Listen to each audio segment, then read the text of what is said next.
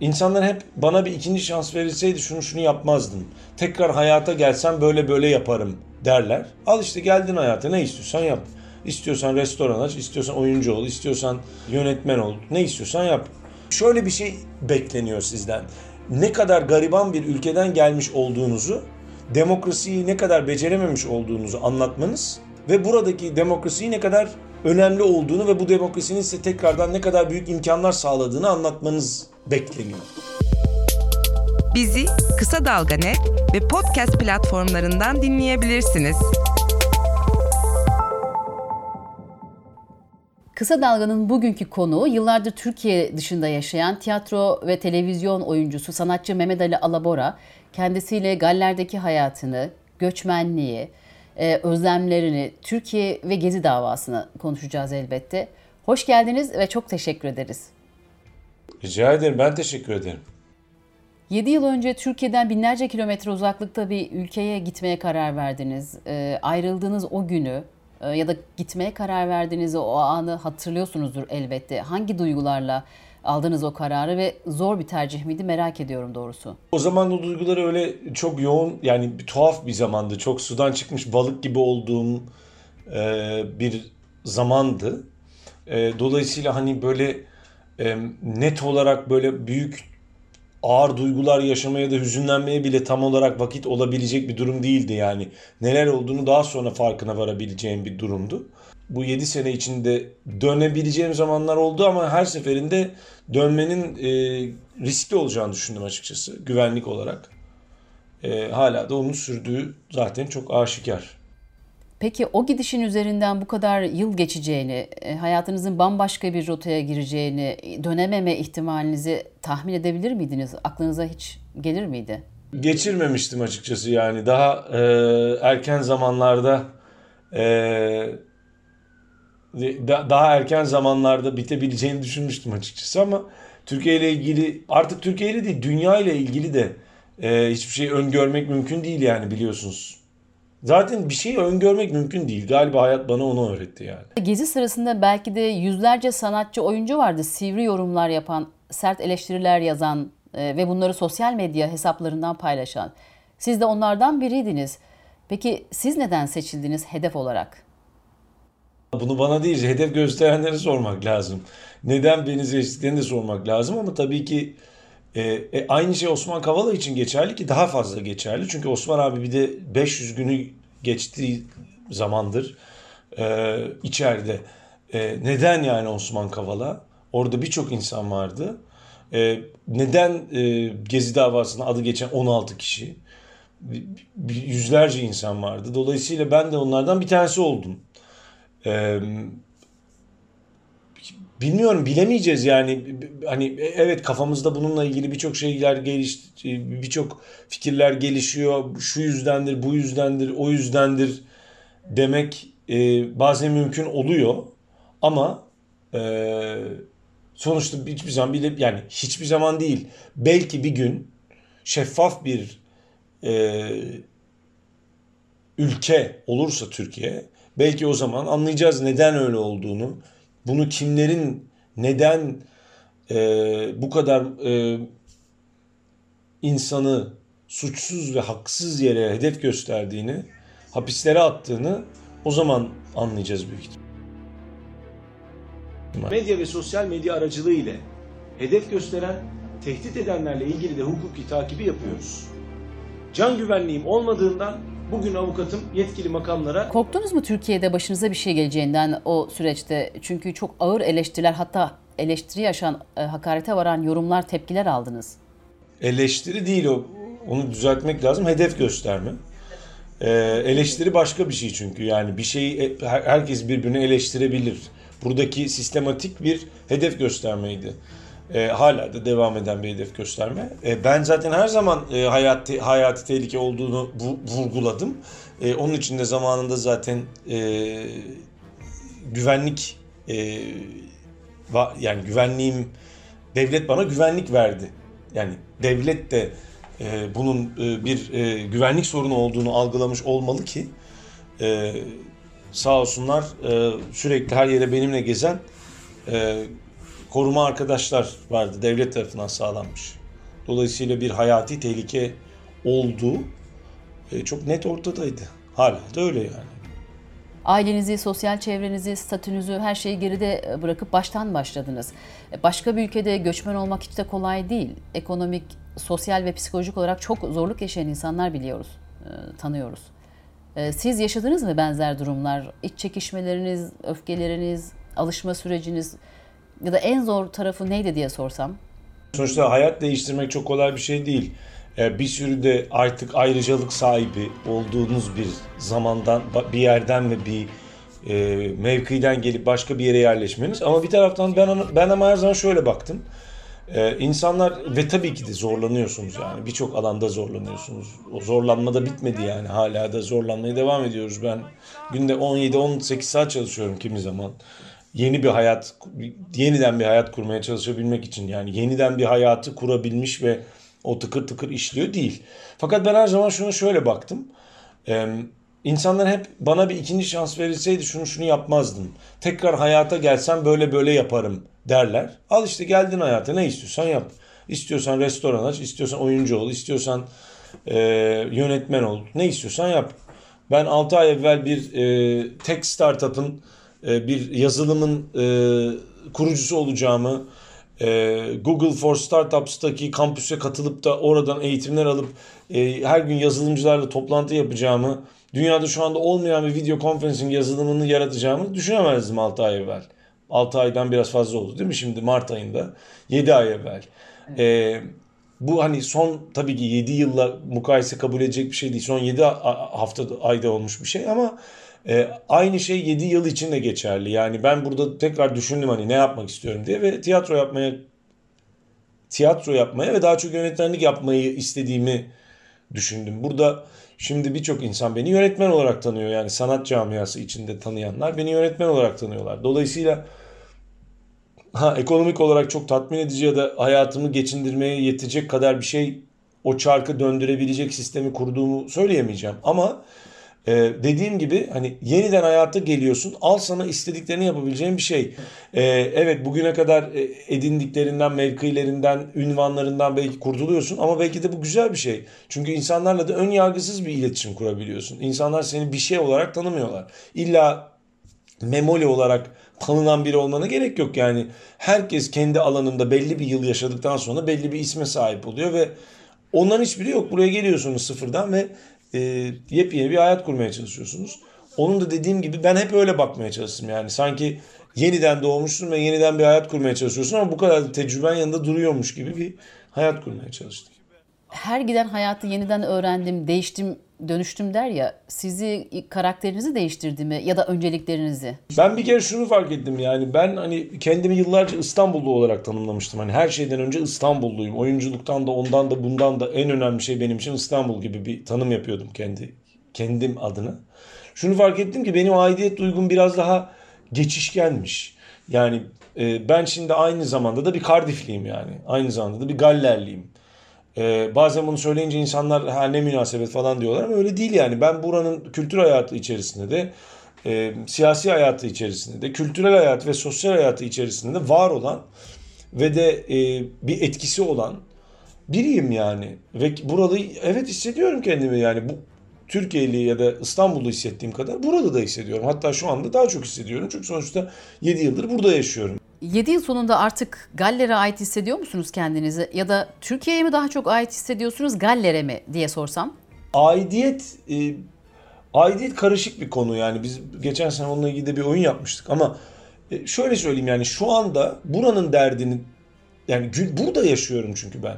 Şimdi evet tabii ki Türkiye unutuyor ya da Türkiye sonuçta Türkçe benim ana dilim ve Türkiye ile sürekli bir ilişkim var ama hep röportajlarda da söylemeye çalışıyorum. Ne olursa olsun istediğiniz kadar teknoloji gelişmiş olsun ve bir bu kadar bağlantılı olalım. E, yine de benim bütün referanslarım Türkiye ile ilgili 7 yıl öncesine ait referanslar. Ben bugün eğer Türkiye'de bir e, jargon varsa, e, yeni bir bir şey, bir böyle bir kalıp sözcükler varsa onları bilmiyorum. Televizyonda oynayan şeyleri bilmiyorum. Yeni birileri ünlü olmuş mesela onları tanımıyorum. E, yeni futbolcuların isimlerini bile bilmiyorum. Yani dolayısıyla e, öyle baktığınız zaman evet tabii ki Türkiye ile ilgili bir fikrim, Türkiye ile ilgili bir bilgim, görgüm var. Ama 7 yıl evveline ait bunlar. E, oysa ki 7 yılın gallerini daha iyi biliyorum Türkiye'den öyle baktığınız zaman. Neden Galler bu arada? Daha önce bildiğiniz gittiğiniz bir ülke miydi? Yok o tamamen bir tesadüf sonucu oldu. O tesadüfün sonucunda da biz de buralı olmuş olduk. Haber podcastle buluştu. Kısa Dalga yayında. Bizi Kısa Dalga Net ve podcast platformlarından dinleyebilirsiniz. Batılı'nın Doğu toplumlarına, kültürlerine e, dair ön yargılarını hissettiniz mi orada? Yani oryantalizmi hissettiniz mi? Batıya gittikçe Doğu her zaman daha doğulu olur. İstanbul'u da Diyarbakırlı'ya öyle bakıyor. Diyarbakırlı da muhtemelen Iraklı'ya öyle bakıyor. Bu böyle gidiyor yani. Bu bir silsile zaten. Yani o e, Türkiye'nin içinde de olan bir şey. Yani Batı'nın Türkiye'nin batısının Türkiye'nin doğusuna bakışında da var o problem yani. Dolayısıyla ama şunu söyleyebilirim. İngiltere'de bu biraz daha hissediliyor. Ama Galler'de biraz daha az hissediliyor. Çünkü aslında Galler'de buranın doğusu. Daha batısında olmasına rağmen tezat oluyor. Burada birazcık denge tersine dönmüş. Burada batıya gittikçe ülke yoksullaşıyor. Hani normalde doğuya gittikçe yoksullaşır ya burada tam tersi. Batıya gittikçe ve kuzeye gittikçe ülke yoksullaşıyor. Britanya üzerinde konuşuyorum. Dolayısıyla Galler'e geldiğiniz zaman da öyle. Galler'in batısı da daha yoksul. O da ilginç mesela. Yani Galler'in de e, Cardiff hani ve etrafı çok daha e, varlıklı ki etrafı demeyelim. Batıya gittikçe Galler de yoksullaşıyor. Oryantalizm zaten bir e, bir düşünce pratiği ve şey olmuş artık e, batılı düşünce biçiminin içine yerleşmiş bir düşünce pratiği. Bunu ben söylemiyorum. Edward Said söylüyor zaten terimin terimi bir antropoloji, sosyolojik bir terim haline getiren kişi olan Edward Said'in anlattığıyla ve evet Edward Said oryantalizmi hala devam ediyor aslında.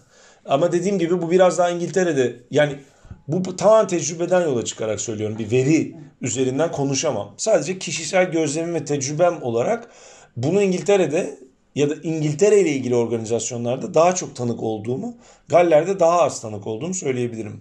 Almanya'da da mesela var yine bu. Yani şöyle bir şey bekleniyor sizden. Ee, ne kadar gariban bir ülkeden gelmiş olduğunuzu, demokrasiyi ne kadar becerememiş olduğunuzu anlatmanız ve buradaki demokrasiyi ne kadar önemli olduğunu ve bu demokrasinin size tekrardan ne kadar büyük imkanlar sağladığını anlatmanız bekleniyor.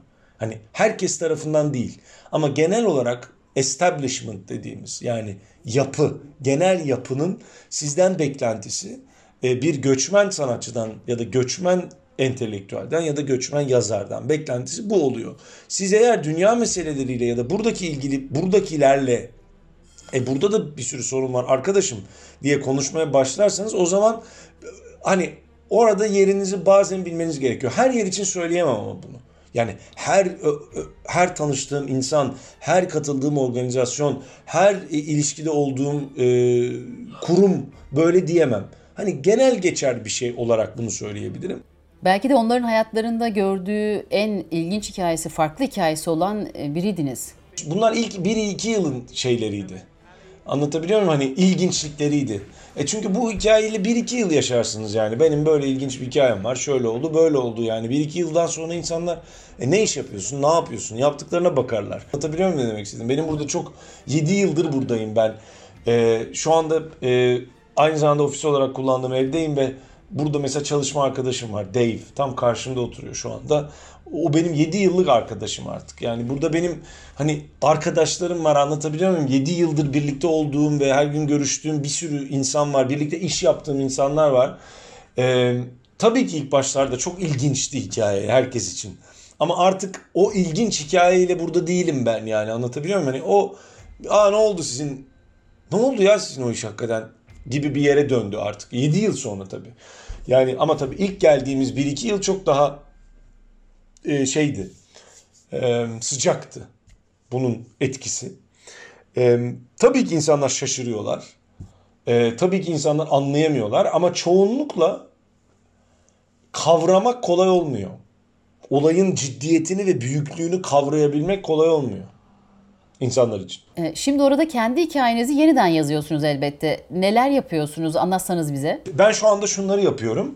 E, ben şu anda bir e, kendime ait bir şirketim var. Onunla e, başka yani biraz böyle bir yaratıcı bir ajansım var. O yaratıcı ajansla işler yapıyorum. Adı Bak. E, en son memleketinde insan manzaraları oyununu yapmıştık. Benim yönetmen arkadaşım burada Phil McKenzie sahneye koymuştu. E, Akın Olgun e, prodüksiyonunu yapmıştı.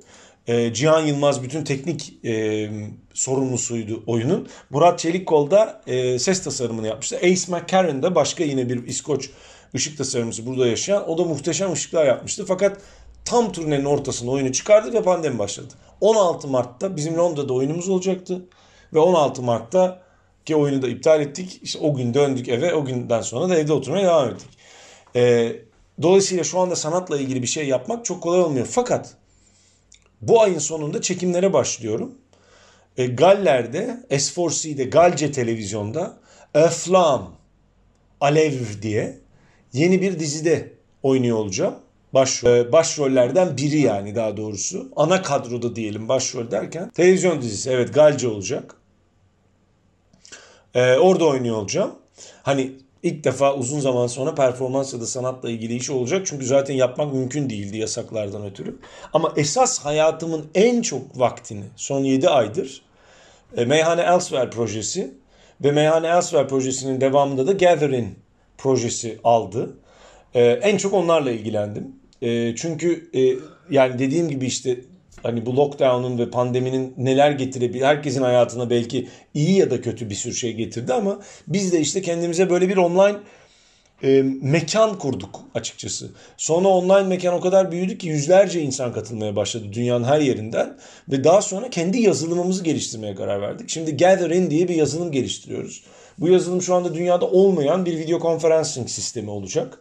Ee, ve insanlar bu bu yazılım sayesinde online etkinliklerini, online buluşmalarını, online partilerini daha çok sosyallik için kullanmak istedikleri online e, e, online'da yapmak istedikleri sosyal etkinliklerini işten ziyade daha sosyal olan etkinlikleri bizim platformumuzda yapabiliyor olacak. Diğer platformlardan farkı ne? Ee, mesela şu an kullandığımız Zoom programından farkı ne? Zoom'a geldiğiniz zaman 50 kişi bir parti yaptığınız zaman parti yapamıyorsunuz. Çünkü 50 kişiden bir kişi konuşacak, diğerleri susacak.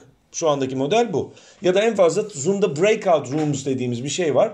Üçlü üçlü insanları daha küçük buluşmalara götüreceksiniz. Üç kişi bir de bir yerde konuşacak, üç kişi bir yerde konuşacak. Gathering'le yapabildiğiniz şey ise şu olacak. Siz 50 kişi aynı odada olacaksınız ama istediğiniz insanlarla konuşabiliyor olacaksınız. 50 kişiyi görmeye devam ederken. Dolayısıyla masa nizamı olduğunu düşünün. Yani küçük küçük masalara ayrılacaksınız. Biz diyelim ki ikimiz sohbet ederken aynı zamanda yan tarafta, ekranın yan tarafında 50 kişinin daha sohbet ettiğini göreceğiz. Ama onları duymayacağız. Onlar da bizi duymayacağız. Duymayacak. Ama atıyorum o sırada üçüncü masada bir arkadaşımızı görürsek de tak yanlarına gidip onların muhabbetine de katılabiliyor olacağız. Bunu şu anda yapabilen bir application yok. Bunu Gathering yapacak. Ee, biz de Gathering'i yapmaya çalışıyoruz. Sanal meyhane bunun bir prototipi anladığım kadarıyla. Aynen. Online meyhanede de bunun yazılım olmadan mevcut teknolojinin sınırlarını zorlayarak yapıyoruz şu anda online meyhaneyi. Meyhane Elsewhere'i istanbulelsewhere.com adresine girerek oradan bilgileri alabilirsiniz. Meyhaneye nasıl gelindiğini öğrenebilirsiniz. Rezervasyon yapabilirsiniz. İstediğiniz zaman gelebilirsiniz. Ee, her cumartesi bazen de çar normalde her çarşamba cumartesi yapıyorduk. Sadece bu ay sadece cumartesileri yapıyoruz ama yine her çarşamba cumartesi yapmaya devam edeceğiz. Oradan rezervasyon yaptırabilirsiniz. Ya da Instagram'da İstanbul Elsewhere İstanbul Elsewhere hesabını takip ederek hani bugüne kadar neler olmuş, neler yapıyoruz, güzel paylaşımlarımız var. Onları görebilirsiniz. Online meyhane bunun prototipiydi. Ve online meyhanede olan da şu. 6 tane masa var. Siz masanın birine geliyorsunuz. Kendi masanızdaki arkadaşlarınızla sohbet ederken diğer masaları da görebiliyorsunuz. Ama duymuyorsunuz. Onlar da sizi duymuyor. Ama sonra üçüncü masada bir arkadaşınızı gördünüz. Ya da biz anons yaparken biz iki tane barbayız. Yani meyhane ustası. Yani meyhane sahibi. Biz barbalar anons yaparken bütün meyhane de birbirleriyle konuşabiliyor o sırada. Diyelim o konuşmalar sırasında tatlı tatlı takılmalar oldu. Siz ikinci masadasınız. Beşinci masadakiler size tatlı tatlı takıldı. Daha sonra siz onların masasına gidebiliyorsunuz. Onlar da sizin masanıza geliyor. Ve böylece insanlar minimum 3,5-4 saat geçiriyorlar e, Meyhane Elsver'de. Bugüne kadar 500'den fazla müşterisi oldu Meyhane Elsver'in.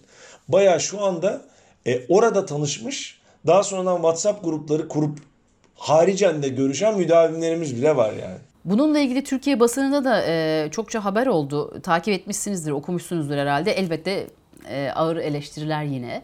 E, ve adım atmanızı bekliyor gibiler.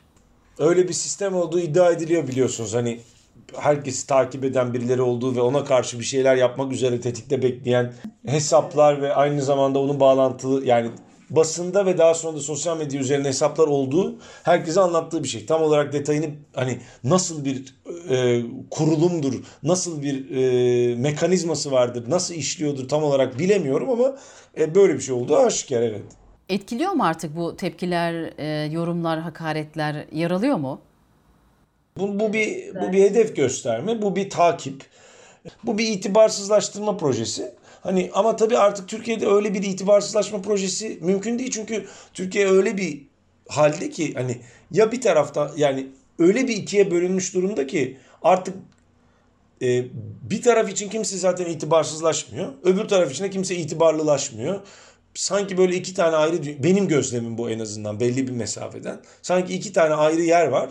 Orada biz birbirimize bir kısım var biz birbirimize saygı duyuyoruz. Öbür kısım var birileri birbirine saygı duyuyor. Bunun, oradan birileri buraları itibarsızlaştırmaya çalışıyor ama sanki iki tarafa da kurşun geçmiyor gibi bir durum oluyor yani. Yaralayacak şey sadece yani. sizin kendi birlikte olduğunuzu hissettiğiniz insanlardan gelebilecek olan bir e, illa saldırı olmak zorunda değil ama hani bir olumsuz eleştiri onlar yaralayabilir. Yoksa zaten e, sizi düşman olarak bellemiş ve sizi şeytan ilan etmiş birinden daha da fazlasını yapmak sadece kimi zaman gülüp geçindirir, kimi zaman belki biraz daha öfkelendirir. Ama çok o, o da olmuyor artık yani çünkü e, şey çok ortada artık anlatabiliyor muyum? Hani e, o, olan şey çok ortada. O, o yaralayabilecek, yani yara açabilecek bir şey değil. Dediğim gibi yara sadece sizin gerçekten kendinizden bildiğiniz insanla insandan olabilecek ya da birlikte aynı yerde olduğunuz kişiden gelebilecek Beklemediğiniz şey. kişilerden geldi mi peki bu süreçte? E oluyor tabii canım hiç ummadığımız neler oldu yani bu 7 yılda hepimiz bir sürü ummadığımız şey gördük. Ben de bu, bu sorulara e, Türkiye'de Türkiye ile bağlantısı olan illa Türkiye'de yaşayan değil Türkiye'de bağlantısı olan herhangi birine sorduğunuzda alacağınız cevapların hemen hemen hepsini herhalde benden de alırsınız ya da benden alacağınız cevapları muhtemelen onlardan da alırsınız diye düşünüyorum. Gezi davasından da bahsetmek istiyorum. E, nedir davayla ilgili e, son güncel bilgiler? E, sizden ilk ağızdan alalım istiyorum. E, yargılanmış olanlar, mahkeme önüne çıkarılarak yargılanmış olanların hepsi beraat etti. Yargılanmamış, yurt dışında ya da farklı sebeplerden dolayı yargılanmamış olan benim de içinde bulunduğum 7 kişinin dosyaları ayrıldı. Bizim dosyalarımız ayda ya da iki ayda bir görülmeye devam ediyor ve yakalama kararının devamına karar veriliyor. Gerekçeli kararda da bizim davamızın devam etmesi söyleniyor. Bizim avukatlarımız tahliye kararına dayanarak bizim de tahliye olmamız daha doğrusu beraat kararına dayanarak bizim de beraat kararı verilmemizi söylemelerine rağmen mahkeme bunu reddediyor her seferinde. Dolayısıyla 7 kişi için yurt dışında bulunan 7 kişi için yakalama kararı da dava da aynen devam ediyor. Önce bunu düzeltelim. Aynı zamanda da ana kararda yani insanların beraat ettiği ana kararda istinaf mahkemesinde bekliyor. İstinaf mahkemesinin de kararı bekleniyor. Şu anda olan durum budur. Zaten e, bu hukuki bir dava değil yani. Bu dava dilekçesini okursanız 657 sayfayı zaten rahatlıkla görürsünüz yani ne olup ne olmadığını. Ee, bunu değerlendirmek bana düşmez. Bununla ilgili hukukçular çok güzel yazılar yazdılar. Oraya bakabilirsiniz. Ee, ama dediğim gibi yani buradaki mevzu bir beklenti beklenti ancak bir hukuki dava olduğunda olabilecek bir şey yani. Diyelim ki sizin için her şey normalleşti. Ee, tekrar dönmek ister miydiniz Türkiye'ye? Özlediniz mi? Yani Türkiye tabii tekrar Türkiye'de de işler yapmak isterim. Ee, arkadaşlarımı da görmek isterim. Ee, lüfer yemek isterim. Ee, ondan sonra. Ee, Zaten şu anda öyle bir durumdayız ki yani. Şu anda herkes için birçok şey özlem haline gelmiş olabilir yani şu son 7 ayda. Ee, onun için şu anda ne istediğimi de bence kimse şu anda tam olarak ne istediğini de bilmiyor. Biraz böyle sanki hayatımıza reset atılmış gibi bir şey oldu yani. Hani böyle bir bir sürü şeyi sorguladık. Mesela belki ne kadar gereksiz çok kıyafetimiz olduğunu anlamışızdır. Belki yani hani çünkü bir şey giyemedik ki bu işte pandemi sırasında. Düşünsenize evde 3 tane tişört, 2 tane bir şey yani hani ayakkabılar durdu. Kaç kim bilir kaç tane ayakkabınızı aylardır giymiyorsunuz. Yani bir sürü şey e, önceliklerimiz ve ihtiyaçlarımız ne kadar değişti aslında. Yani bazı şeyler ne kadar önemli. Bazı şeyler ne kadar olmasa da olurmuş. Onları gördük.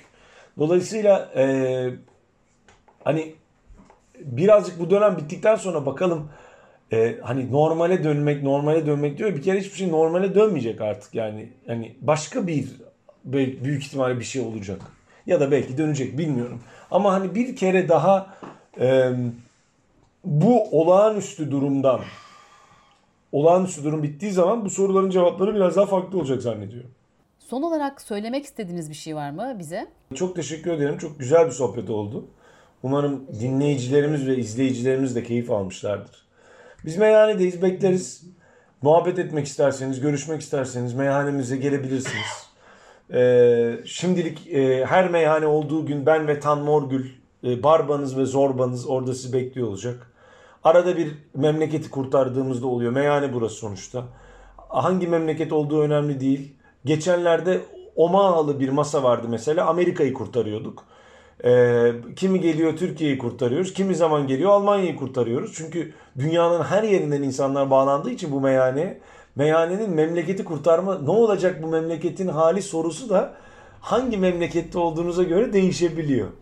Onun için e, bu deneyimi yaşamak isteyenleri bekleriz. Türkiye'liler mi oluyor sadece yoksa yabancılar da katılabiliyor mu? Ya da katılıyor Evet mu? evet İlgi genelde Türkiye'liler mu? oluyor. Yok tabii tabii Türkçe konuşmayanlar da oluyor. Türkçe konuşmayanlar olduğu zaman biz de İngilizce anlatıyoruz. İngilizce anonslar yapıyoruz. Ee, bir- birkaç kere, bir- birçok kere daha doğrusu İngilizce konuştuğumuz masalar oldu. Ama Gathering'e geçtiğimiz zaman zaten Gathering dünyanın her yerinden herkesin kullanabileceği bir yazılım olacağı için her dilde etkinlikler olacak. Kısa Dalga dinleyicisi, izleyicisi için iştenlikle cevapladığınız sorularımızı çok teşekkür ediyorum ve iyi ki geldiniz. Ben teşekkür ederim. Bizi Kısa Dalga Net ve podcast platformlarından dinleyebilirsiniz.